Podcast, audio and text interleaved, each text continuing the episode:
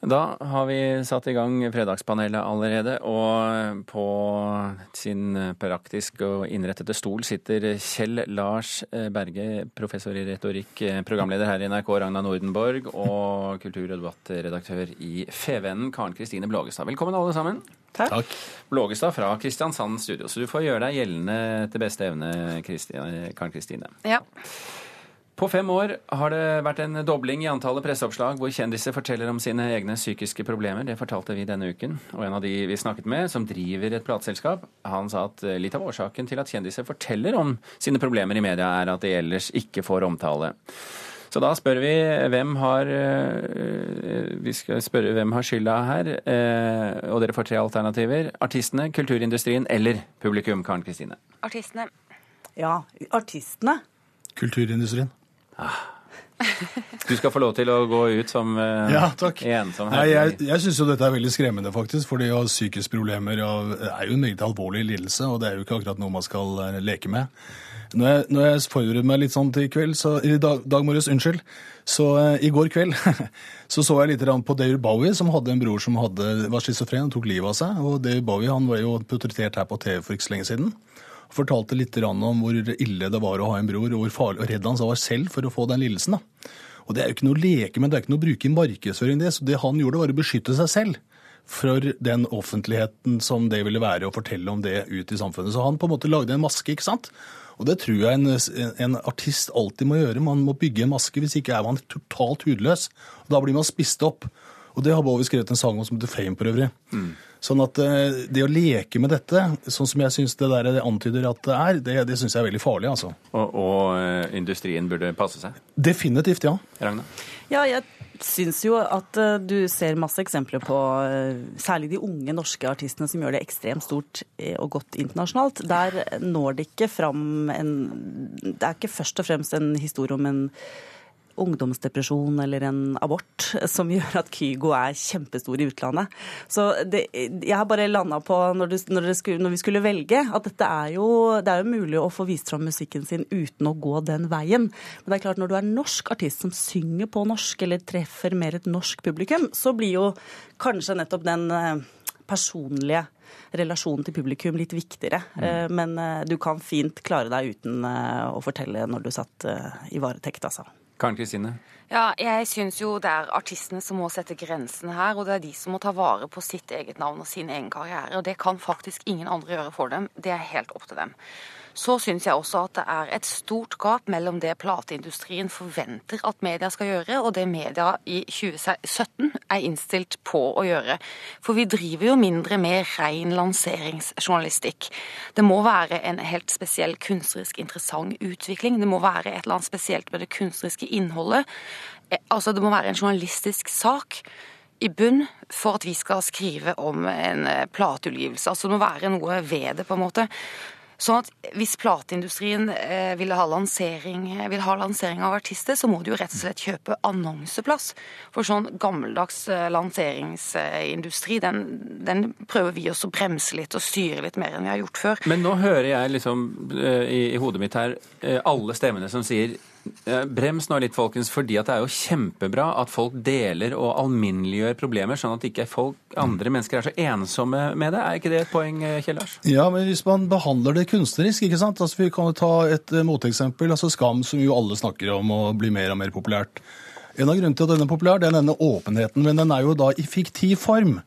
Altså, Tarjei er ikke Isak, altså. Altså er, de er to forskjellige personer. Tarjei er heller ikke homofil for øvrig.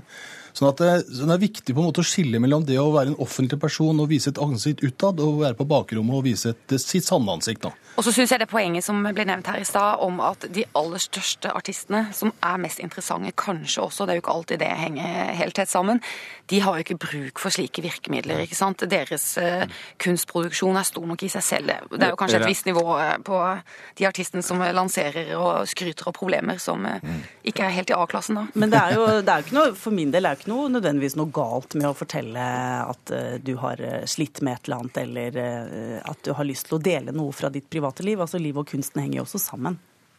Vi går til neste spørsmål. Denne uken eh, forsvant de store kringkasterne fra FM-nettet i Nordland. De som vil høre kanalene til NRK, Radio Norge og P4 må nå bruke sin DAB pluss-radio.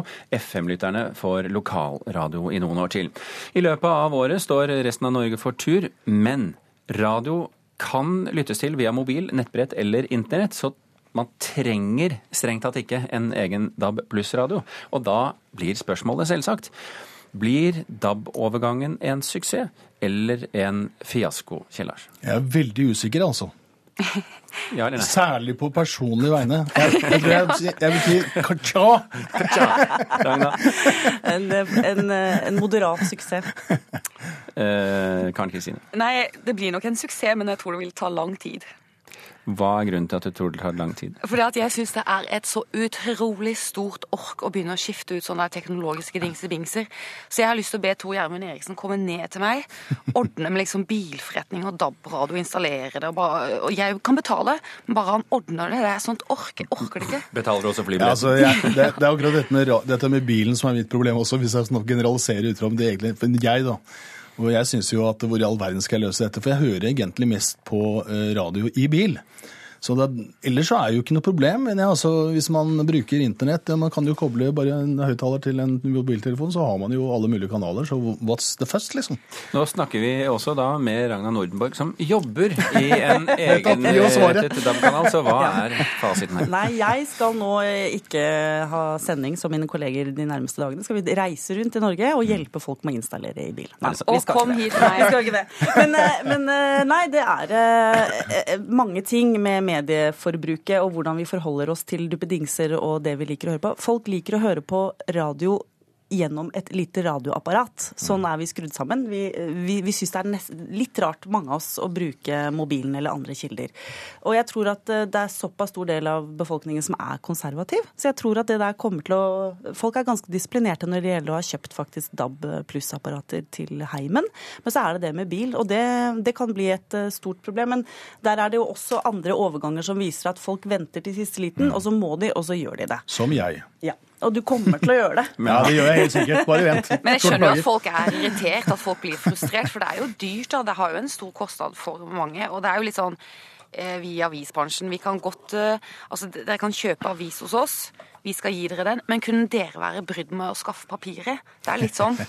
Er Men nå der, har jo dere brydd meg med å slutte å lese mye aviser eh, på papir, og heller gå via abonnementsordningene deres. Og jeg var veldig treig, men nå har jeg opptil ja, flere abonnementer eh, på aviser Men kan, gjennom jeg, kan, jeg få eh, spørre et, litt kan jeg få lov til å stille et banalt spørsmål? Hva gjør jeg hvis jeg reiser over svenskegrensa? Kan jeg høre på radio da, fortsatt? I, I Sverige kan du høre på FM. Da kan jeg høre på Sverige FM. Men du, du kjør og har masse harryturer til Sverige, så får du hørt eh, alt det du ønsker. Ah, okay. DAB-signalene er vel ikke helt Norske DAB-signalene går vel ikke helt inn dit, så vidt jeg vet. Vi hopper til neste spørsmål, vi, folkens. Vi har fire minutter igjen. Falske nyheter kan rokke ved selve grunnlaget for vårt demokrati. Det sa ekspert på presseetikk Gunnar Bodal Hansen til oss i går. Falske nyheter er ikke noe nytt. Ikke historier om at Elvis lever, og ikke om at ufoer er observert eller Britney Spears er død. Noen hun selvsagt da ikke er. Men når falske nyheter blir kjernen i den politiske debatten, slik det var med Trump denne uken, da han påsto at han var utsatt for falske nyheter, da oppstår problemene. Så spørsmålet vårt er Står demokratiet i fare? Karen Kristine? Ja. Ja, ja. Ja, her er rungende ja, ja. Ja, ja. Ja, nei, Dette er jo kjempealvorlig. Altså, men altså bare tenk på Trump. Hvordan var det han eh, stakk fram nesa si første gangen i den politiske offentlighet? Det var ved å påstå at Barack Obama ikke var født i USA. Og dette skapte han en karriere på. ikke sant? Altså det er En ren og bare tullesak. Altså Alle skjønte jo at dette var bare tull. Dere husker kanskje også den fantastiske eh, scenen hvor altså Barack Obama gjorde narr av Trump. Det er mange som sier at da bestemte Trump seg for å stille som presidentkandidat. Denne mannen har jo levd på løgn hele livet. ikke sant? Altså Det er utrolig at den mannen er president. Å klage på pressen når de begynner å kikke ned i korta, liksom. Helt ufattelig. Det er veldig alvorlig at eh, Ja, og det, det, man, blir jo, man satt jo og reiv seg i håret, alle de som fikk med seg Trump sin eh, pressekonferanse. Ja, men uh, det, er jo uh, Men ikke snakk om Trump nå, nei, snakk men jeg om falske behov for- nyheter. Ja, det jeg skulle til å ja. si, for jeg skulle gjerne ha For han ropte jo ut 'false news', 'false news', og så skulle jeg bare ha gjerne ha rydda litt i falsk nyhet-begrepet. Mm. Fordi her er det jo vitterlig snakk om en OK, det er en shady rapport, den er bestilt i onde hensikter, men dette er helt vanlig amerikansk politikk. Og det er altså masse anonyme kilder, og, og, og CNN omtaler omtalte jo at det var en rapport, men de rapporterte jo ikke dette som, som nyhet, faktiske nyheter. Så jeg syns det er en, blitt en veldig sånn stor Det er bare en sånn sekkebetegnelse for veldig mange ting. Så burde jo, man burde jo begynne å liksom standardisere hva er egentlig en falsk nyhet. Har du noe forslag til det, Karen Kristine? Ja, altså jeg er enig i at man kan rydde opp i de begrepene og rydde opp i den parken der også. For det er ikke sikkert at CNN har gjort et sånn superstrålende journalistisk arbeid i den håndteringen av denne rapporten her eh, heller. Men demokratiet er i fare. ikke sant? Nå er jeg 46 eh, år gammel, og jeg har hørt på utrolig mange kjedelige 17. Eh, mai-taler i et langt liv. Og det handler om ytringsfrihet, demokrati og bla, bla. Ikke sant? Jeg har vært sånn tomme floskler, selvfølgeligheter, i hele mitt liv. Og nå er det plutselig alvorlig. Altså, et eller annet har skjedd. Tilliten er borte. Vi har ikke lenger en felles virkelighetsforståelse. Før så har det vært sånn at vi har hatt tillit til hverandre, vi har vært enige om et sånn noe i bunn som er felles, som er en felles historie. Vi har definert virkeligheten likt, og så har vi tolket den veldig ulikt. Men denne bunnen er i ferd med å falle ut, og, hva er sant? Hvis ikke du når fram med fakta, så er det bare Det er veldig skummelt. Kjell Lars rekker altså, her. Noe av, noe av dette som eh, altså så rører vi falske nyheter og som har med saken å gjøre, syns jeg da det er denne, litt sånn som vi snakket om i stad, bruddet mellom det private og det offentlige. Og det er klart, Hvis du til enhver tid skal ha en mikrofon stående i ditt private rom, hvor pressen og andre kan høre på hva du sier uformelt, og du gjør det til saken. ikke sant? Hva sa, mener han eller hun egentlig? Altså Litt sånn som vi hadde med Clinton-saken, hvor altså disse e-postene florerte.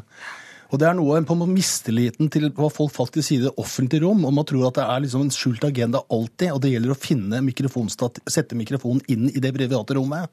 Og Dette er, syns jeg, problemet med Wikileaks, f.eks., som jo er involvert i dette her. Og det er at du hele tiden søker etter altså andre forklaring på hva faktisk folk mener. Og det er noe av problemet her, syns jeg også. Altså. Ikke bare falske nyheter. for å si det sånn. Konspirasjonstenkning er akkurat det som er problemet. Det som ikke er konspirasjonstenkning, det er at Kulturnytt tar slutt. For det kommer til å skje så ettertrykkelig om bare noen sekunder. Vi takker Ragna Nordenborg, Karen Kristine Blågestad og Kjellars Berge for å være vårt fredagspanel. Thomas Alvarstein Ove, Birger Kålsrud Råsund takker for følget.